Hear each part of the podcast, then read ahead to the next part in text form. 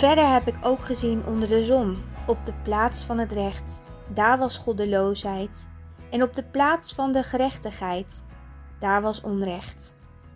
Het zijn woorden uit Prediker 3, vers 16. Broers, zussen, onrecht, wie kent het niet in zijn of haar leven? Misschien kijk je het onrecht vandaag wel in de ogen.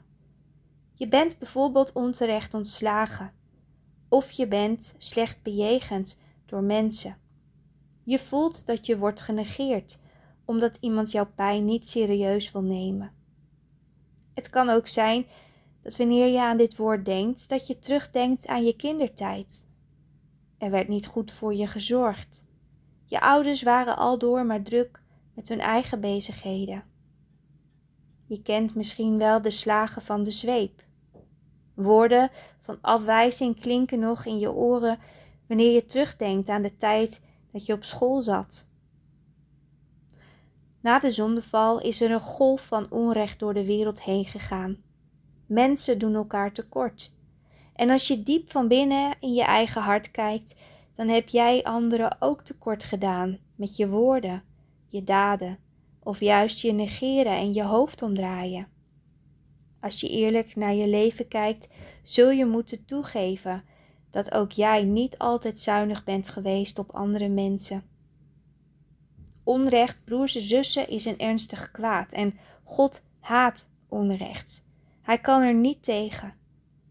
In het Oude Testament lees je vaak dat God het volk straft wanneer ze dingen doen die niet goed zijn. En als God niet tegen onrecht kan, dan is het nodig dat wij, kinderen van diezelfde God, afstand nemen van dit alles. Wij zijn geroepen om het goede te doen. En dat is in deze tijd een hele grote uitdaging, nietwaar?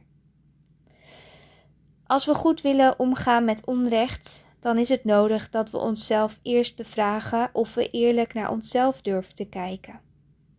Ben je wel eens bezig met hoe jij recht brengt in deze wereld? Hoe integer ben je? Ga je voor zuiverheid? Spreek je waarheid? Ben je betrouwbaar? Onrecht is van alle tijden en van alle plaatsen. Door de geschiedenis heen zien we dat mensen het moeilijk vinden om goed met elkaar om te gaan.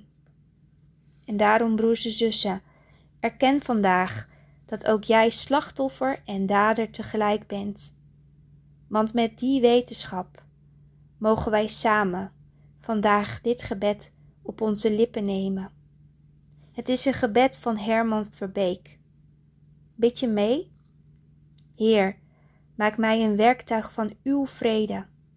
Waar haat is, dat ik liefde ben.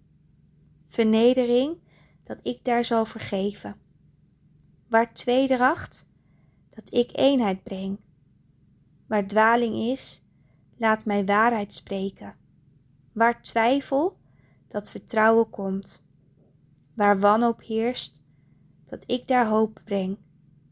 Waar duister, daar zij het helder licht.